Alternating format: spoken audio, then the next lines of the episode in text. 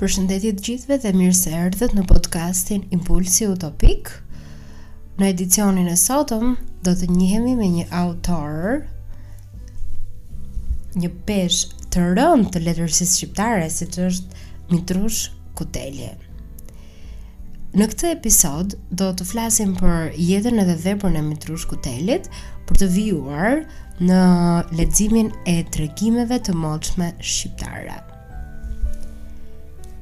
Mitrush Kuteli është pseudonimi letrar më i përdorur i Dhimitër Paskos. Themi kështu, pasi siç do ta shikojmë në vijim, ai ka përdorur disa pseudonime letrare. Dhimitër Pasko lindi në 1907 në Pogradec, ku kreu mësimet fillore, ndërsa shkollën e mesme tregtare e kreu në Selanik. Më pas, vijoi studimet në degën ekonomike, duke përfunduar studimet e larta në Bukuresht më 1931. Po aty, në vitin 1934, ai mbrojti edhe doktoraturën në të njëjtën fushë. Punoi në sistemin bankar në Rumani e më pas edhe në Shqipëri. Në këtë fushë të marrëdhënieve bankare, la disa studime me vlerë, të cilat do të ishin të mjafta për t'i dhënë atij një vend nderi në mendimin intelektual të periudhës midis dy luftrave botërore. Në Shqipëri u kthye përfundimisht në vitin 1942.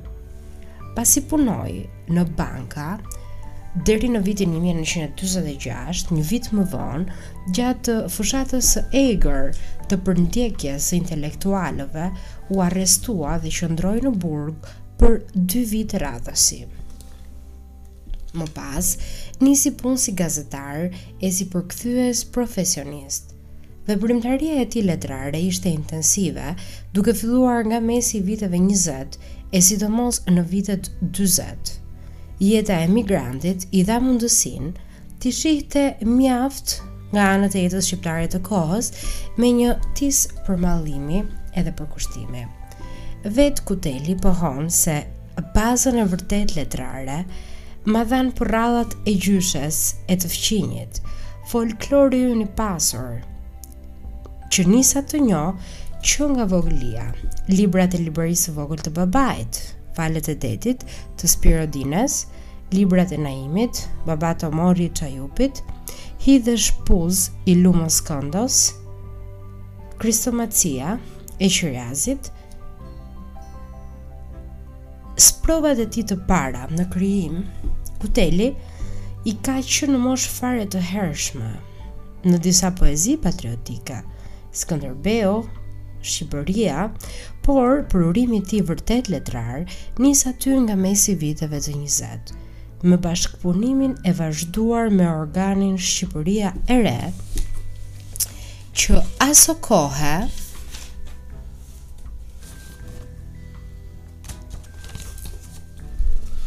botohej në Konstancë të Rumanisë. Pikërisht te ky organ Mitrush Kuteli botoi me pseudonime të ndryshme vjersha, tregime, artikuj kritikë, studimorë e politikë. Në vitin 1929, Ky organ çeli edhe rubrikën Shënime letrare, në të cilën ai bashkëpunoi me shkrime për veprën e Çajupit, Negovanit, Asdrenit, Poradecit e të tjerë. Këtu zë fill shfaqja e një ane krejt të veçantë të personalitetit njerëzor të Mitrush Kutelit. I zhveshur Nga zilitë dhe ambiciet meskine, ai dha një ndihmesë të çmuar në përgatitjen e botimin e veprës poetike të Lasgush Poradecit, sikurse në vitin një mijë e nëntëqind e dyzet e tre botoi të parën përmbledhje me poezi të Fan Nolit, Mall edhe Brengë. Profili i tij si prozator me një talent të spikatur nisi të përvijohej që me vendosjen e tij në Bukuresht, kur botonte tek Shqipëria e re, prozat më kot, Në natë kolozhegu e të tjerë. Në të njëjtën periudhë, nis të interesohet edhe për folklorin, duke botuar rumanisht përmbledhjen proverba shqiptare.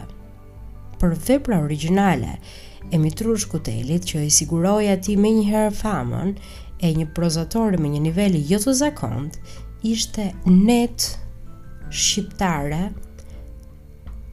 me rrëfime, botuar në Konstancë në vitin 1938. Ajo përmbante gjithsej tetë rrëfime të shkruara nga Kuteli. Vepra u ribotua e pasuruar në përmbajtje në Tiranë në vitin 1943. Pas kthimit në atdhe në vitet 40, Kuteli vazhdon edhe më intensivisht veprimtarinë e tij letrare. Kështu, boton në vitin 1943 librin Ago Jakupi, Rrëfime dhe kujtime. Më 1944 librin Kapllan Aga i Shaban Shpatës edhe këto rrëfime. Po në këtë vit, ai boton edhe librin Shënime Letrare, i cili ka meritën të jetë i pari libër shqip me studime kritike letrare. Në të vërtetë, Kuteli, në këtë fushë, ofron edhe mjaft befasi të tjera. Është për t'u habitur, se si një njeri që nuk pati ndonjë formim letrar akademik, t'i qëndrojë kohës, edhe të paraqesë në studimet e tij kritike, koncepte dhe sisteme gjykimi që ende sot e kësaj dite i qëndrojnë kohës. Spikasin në mënyrë të veçantë vëzhgimet kritike që ai ka për veprën poetike të Lasgush Poradecit, edhe për atë të Fan Nolit. Në të parën, duke u nisur nga teza se vepra e Lasgushit është tërësisht shqiptare në përmbajtje e në formë, ai ndërmerr një hulumtim mjaft profesional në elemente të poetikës lasgushiane, duke u ndalur posaçërisht në aspekte formale të saj. Ndërsa te studimi i dytë ndalet më konkretisht në çështje që kanë të bëjnë me klasifikimin e brendshëm të poezisë së Nolit, me tonalitetet e saj, por edhe me përmbajtjen. Mjaft interesant është dhe libri poetik Sulm dhe Lot, i cili përmbledh poemin kosovar prej Izedin Jashar Kutrulisë, poemën e Shën Naumit prej Mitrush Kutelit, shoqëruar këto me një parathënie të gjatë prej doktor pas Vetëm trilli artistik i autorit shpjegon faktin që në të vërtetë, të tria këto janë pseudonime letrare të Dhimitër Paskos. Po i këtyre viteve është edhe libri me këngë folklorike nga, te, nga trevat e Pogradecit me titull Këngë e britma nga qyteti i djegur. Si dhe libri me pamflete Havadan më Havadan. botuar me pseudonimin Lugati. Në vitet pas Luftës së Dytë Botërore, veprimtaria letrare e Mitrush Kutelit e humbet intensitetin për shkaqe që nuk vareshin prej tij. Në këto vite, ai u mor me përkthime letrare, të cilat i botoi me emrin e tij të vërtetë, Dhimitër Pasko. Por, edhe shkroi vepra letrare, duke nisur një projekt letrar ambicioz, romanin ilirik, duke përshtatur në prozë ciklin e legjendave shqiptare nën titullin Tregime të moçme shqiptare, të cilin do ta lexojmë në këtë podcast. Një ngjarje e vërtetë letrare shënoi edhe me botimin e mesit të viteve 90, pas një gjysmë shekulli që Kuteli e kishte shkruar prozën E madhe është gjëma e mëkatit. Mitrush Kuteli vdiq në 1967 në një kohë kur shpresonte të përfundonte mjaft nga projektet e tij letrare. Me gjithë ndihmesat e vyera, në shumë anë e fusha të krijimtarisë letrare, Mitrush Kuteli u përvijua edhe mbeti si figura e prozatorit të shkëlqyer që formëson një shkollë e një traditë të tërë të prozës shqipe, pikërisht duke futur elementin e rrëfimit, të cilin do ta hetojmë konkretisht më poshtë. bir i denjë i Rilindjes kombëtare, për nga idetë e brendie e prozave të tij, ai do të shënojë fillimin e një faze të re të prozës së kultivuar shqipe, atë të modernitetit. Cilësi kjo që vërehet më së pari në veprën e Kutelit e të Ernest Koliqit. Është mjaft interesant fakti që Kuteli përfaqëson një rrugë mjaft origjinale të kërkimit të aspektit modern të prozës. pikërisht duke ndjekur modelin e prozës popullore.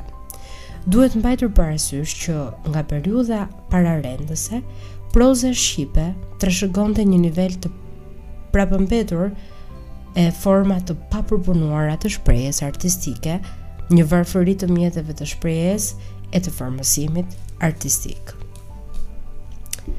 Proza e Kutelit Veprat në prozë të tij u quajtën si rrëfime ose rrëfenja. Ky emërtim ka të bëjë me një tipar fort të dallueshëm të tyre që lidhet me mënyrën e organizimit të të treguarit. Duket se Kuteli nuk rrëfen ngjarjen, por rrëfimin për ngjarjen. Kësaj strategjie rrëfimi i shërbejnë edhe shënimet që ai vendos në fund të prozave të veta. Dëgjuar prej një mërgimtari në Rumani, për shembull, ose sipas një tregimtari të një plaku në Pogradec. Në këtë mënyrë, ai vetë, autori, vendoset me vetëdije në rolin e një ndërmjetësi mes rëfimit dhe lexuesit. Kësisoj, prozat e tij, nga njëra anë ruajnë karakteristika të dukshme të prozës popullore, në anën tjetër mbartin shenjat e prozës së shkruar, duke krijuar kështu një bashkëjetesë të këtyre dy tipave të shkrimit. Sigurisht që në këtë mes është talenti i prozatorit që e siguron një unifikim të tillë dhe që i jep ngjyrimet e një stili individual të tërë kësaj strukture. Një pjesë e madhe e rrëfimeve të Kutelit ndërtohen sipas skemash të tilla të ndërlikuara, ku vetë autori tregon se si njëri nga personazhet e tij tregon ngjarjen, që është bërthama e vërtetë subjektore e tregimit, Kështu ndodh për shembull me rrëfenjën Natë vjeshte të tretë ose Natë muaji Shëmitër e të tjerë. Herë të tjera autori e merr vetë përsipër rrëfimin e ngjarjes duke e nisur atë me disa formulime të drejtpërdrejta që të fusin menjëherë në atmosferën e rrëfimit.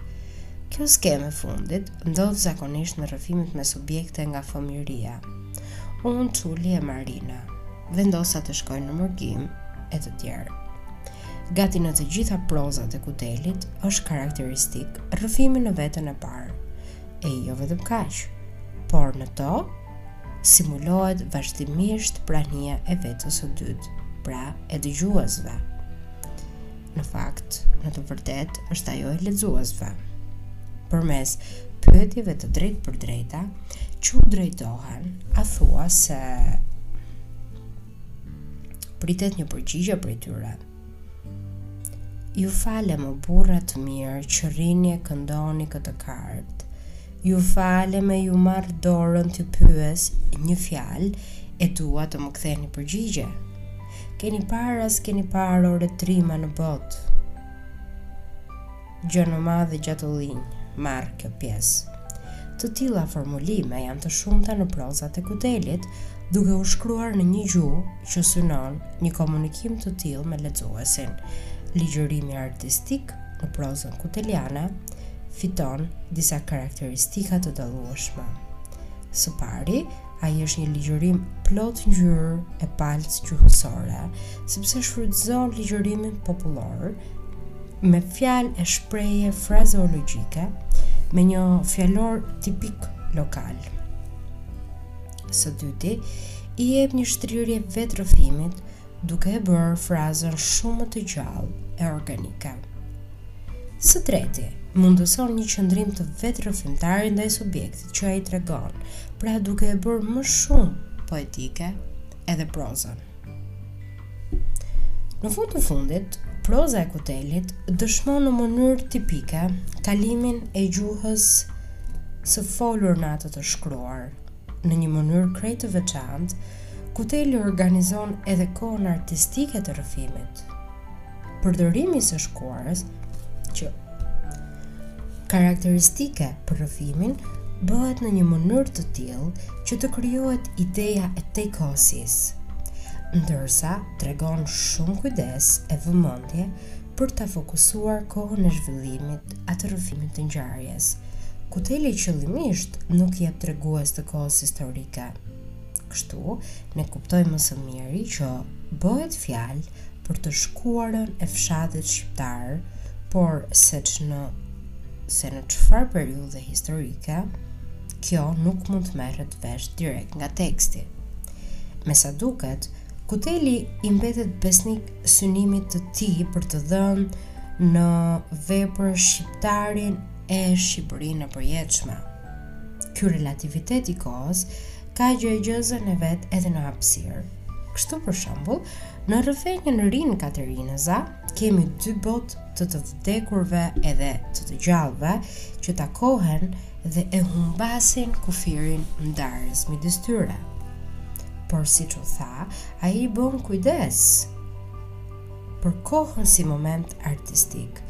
Kështu mund të vërejmë se nata është mjaft e parapëlqyer nga Kuteli. Mjafton t'u referohemi disa titujve të prozave të tij. Natë muaj shëmbitër, natë marsi, natë kollozhegu, natë prilli, natë qershori, natë vjeshtë të tretë, natë muaj maj ose net shqiptare. Ky parapëlqim, me sa duket, vjen nga vetë natyra e prozës së tij, e cila duke qenë pranë rrëfimit popullor, ndjen nevojën për të vende për t'u vendosur në atmosferën kohore të përshtatshme për tregimin e përrallave. Po kështu, është e pranishme dhe distanca kohore Mes kohës së rrëfimit edhe kohës së ndodhjes së subjektit që rrëfehet.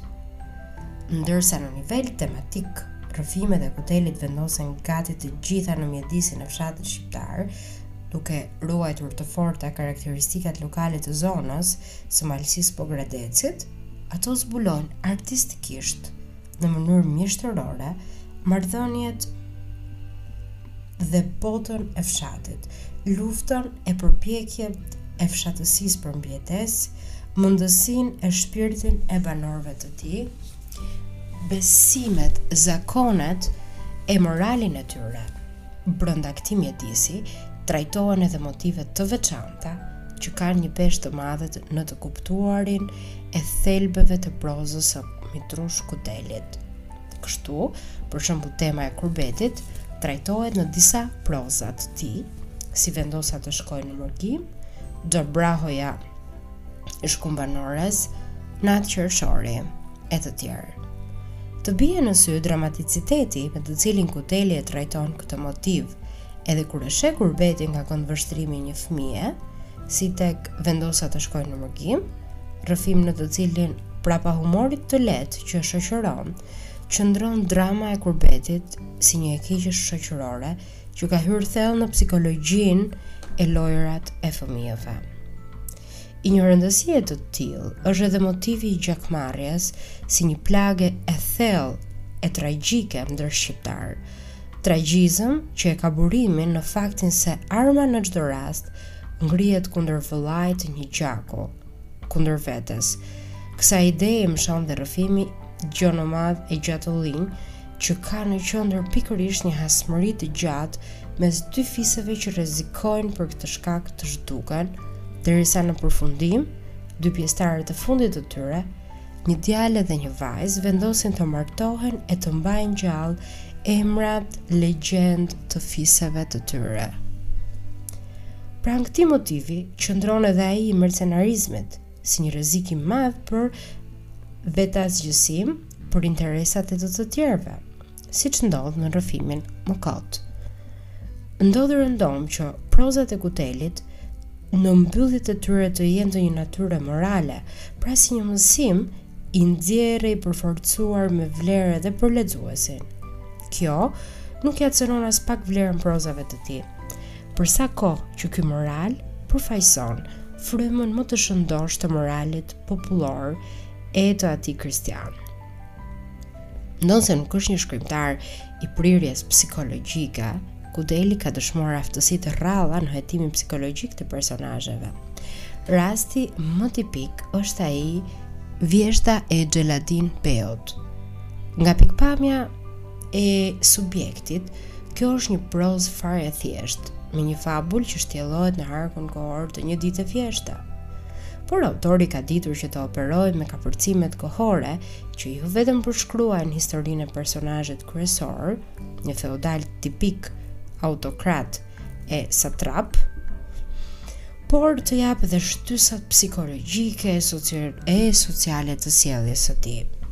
Në letrat shqipe ka ekzistuar një letërsi e tërë që poetizon e heroizon jetën edhe bëmat e kaçakut, të njeriut që rebelohet e del kundër pushtetit, të huaj ose atij feudal vendas. Por, një dritë të veçantë i ka dhënë në prozën e vet Kuteli kësaj figure, duke e kthyer në një legjendë të vërtetë. Si u takua Ndoni me Zallorët, Natë vjeshte e tretë e të tjera. Edhe motivi i dashurisë është i parapëlqyer nga Kuteli, vështruar kjo si një forcë jetësore e papërballueshme, por edhe në përputhje me konceptet morale e fetare të popullit. Një të tillë motiv ka në qendër rrëfenjëza Rinë Katerinëza, por sidomos edhe proza më e gjatë E madhe është gjëma e mëkatit. Një nga prozat që kam zgjedhur për të bërë një analizë në vija të përgjithshme, nga autori Mitrush Kuteli është poemi Kosovar. Poemi Kosovar u botua nga Kuteli në vitin 1944 si një mbresë e drejtpërdrejtë që ai vetë kishte pasur asokohe nga një udhëtim nëpër Kosovë. Poema është e përfshirë në librin poetik Sulm e Lot, në të cilin përfshihet edhe poemi i Shën Naumit, si dhe krijimet poetike Balta Shqiptare edhe Po të vdes në dhe të huaj.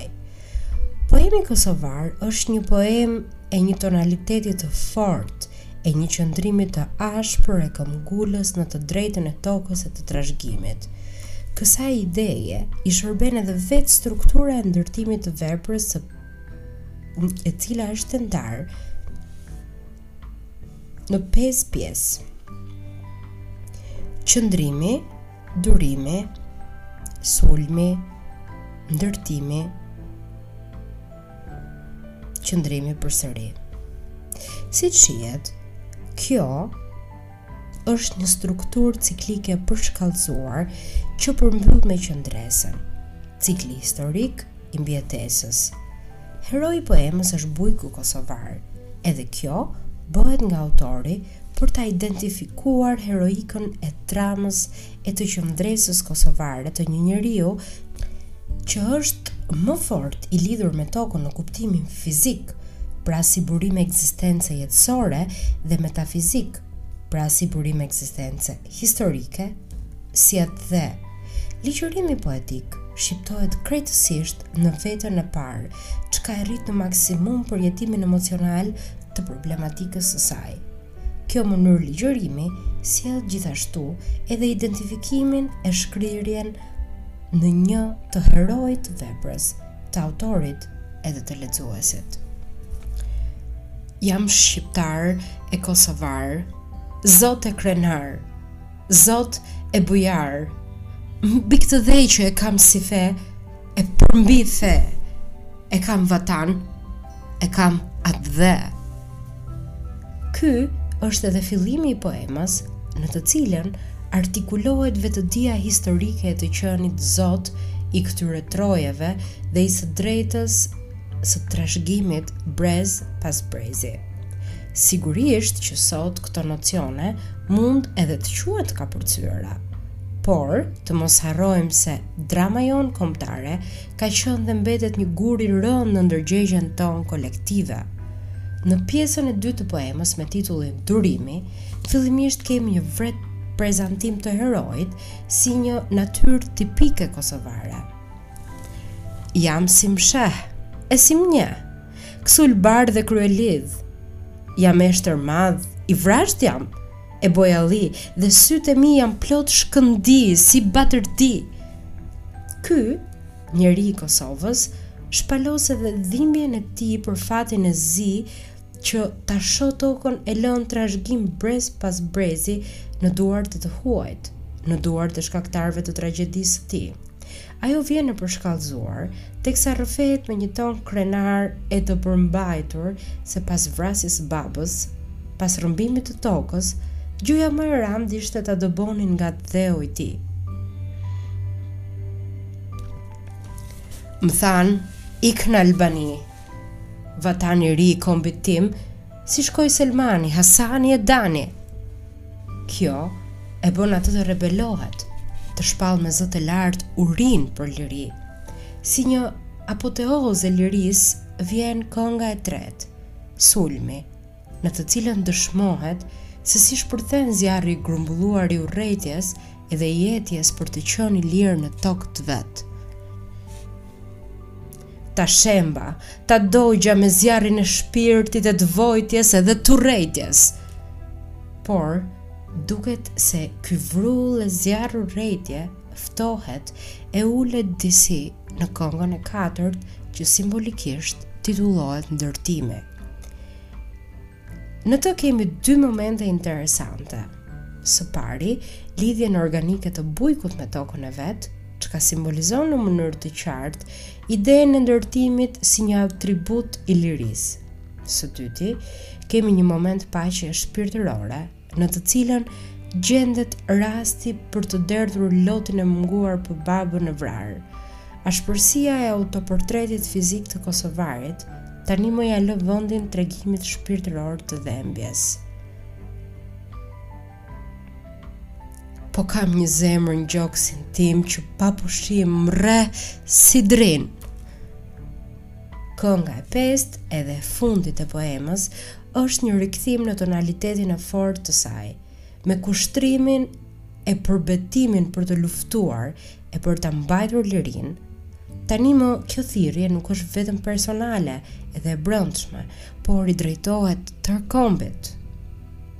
Komb i lirë kosovar, ti komb shqiptar, ti zot krenar, ti djalëri, ti pleqëri, bëhu gati.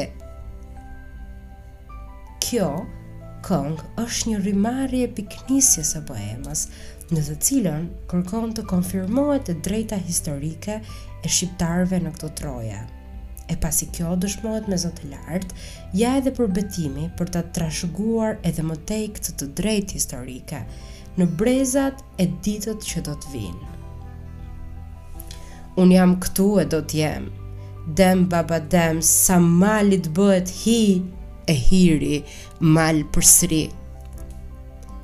Kjo poemë e Kutelit është një mesazh i fortë dhembjeje që vjen nga një shkrimtar i cili e ka dëshmuar qartazi në veprën e vet letrare vizionin e tij për atdheun, për çështjet kombëtare.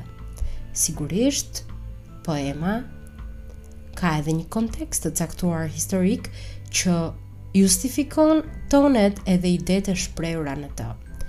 Megjithatë, duket se autori e ka ndjerë peshën e madhe të përgjegjësisë së trajtimit të kësaj teme.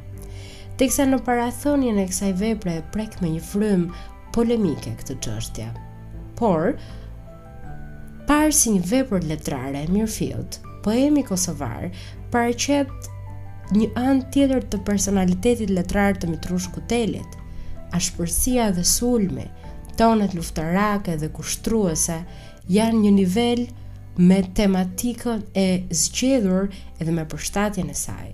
Për këtë arsye, Kuteli e krahason këtë poemën e tij me krijimet poetike të Fan Nolit. Edhe struktura ritmike është gjithashtu e përshtatur mjaft mirë me natyrën e poemës.